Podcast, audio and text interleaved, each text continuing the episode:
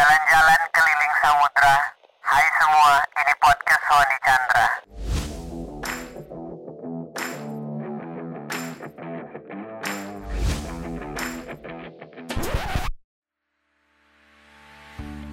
Dari kecil, gua hobi banget cerita. Usia 4 tahun, gua udah ngomong sama tetangga, sama Pak RT, Bu RT, sama keluarga semua, pokoknya paling rewel lah. Nah, terus kalau keluar rumah, tuh bakalan baca nama-nama toko orang tuh. Toko Sumber Makmur, Toko Fajri Raya, Toko Sejahtera, semua dibaca. Dan itu dari sebelum gua masuk sekolah. Gue juga ingat pas SD punya guru yang baik banget, selalu dengerin kalau cerita. Sampai gue goncang-goncang badan ibunya kalau cerita. Dia ibu dohar, dia sering bilang ini Hoandi kalau cerita sama saya semangat banget sampai ibu yang sesak nafas nak katanya. Tapi hobi cerita itu mulai berkurang sejak SMP sampai SMA karena gue mulai fokus ke akademik, karena gue nggak tahu juga sebenarnya mau cerita apa. Nah, tapi pas masuk kuliah, gue tiba-tiba seneng banget cerita lagi. Karena gue mulai hobi nih baca buku-buku yang bagus-bagus.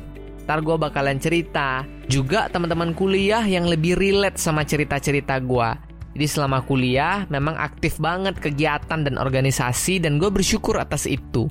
Singkatnya, gue baru tamat beberapa bulan yang lalu dan selama kuliah gue aktif bicara di depan umum. Sempet kepikiran mau buat podcast, tapi kadang energinya beda kan kalau di atas panggung sama kalau ngerekam sendiri. Tapi ya tiba-tiba semingguan yang lalu adik gue bilang, ya dia manggil gue Ahya tuh, buat podcast lah kayak Ernest gitu kan keren, Ahya kan seneng bicara. Karena seminggu yang lalu baru ada event, terus gue ngomong di depan seribuan orang dan feedbacknya positif dari teman-teman.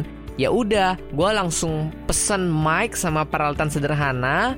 Semingguan gue prepare, sebenarnya nggak semingguan prepare juga sih, tapi ya butuh waktu seminggu hingga akhirnya gue nulis script introduction ini.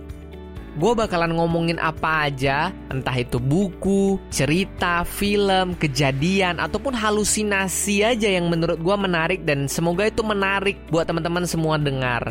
Dan yang gue share adalah yang harapan gue bisa memotivasi dan menginspirasi kita untuk lebih baik lagi. Gue akan bagikan menurut versi dan sudut pandang gue yang belum tentu sama dan belum tentu benar dengan teman-teman semua. Nggak apa-apa kita saling mengingatkan karena gue bukan ngerasa udah lebih baik dari yang lain gitu enggak.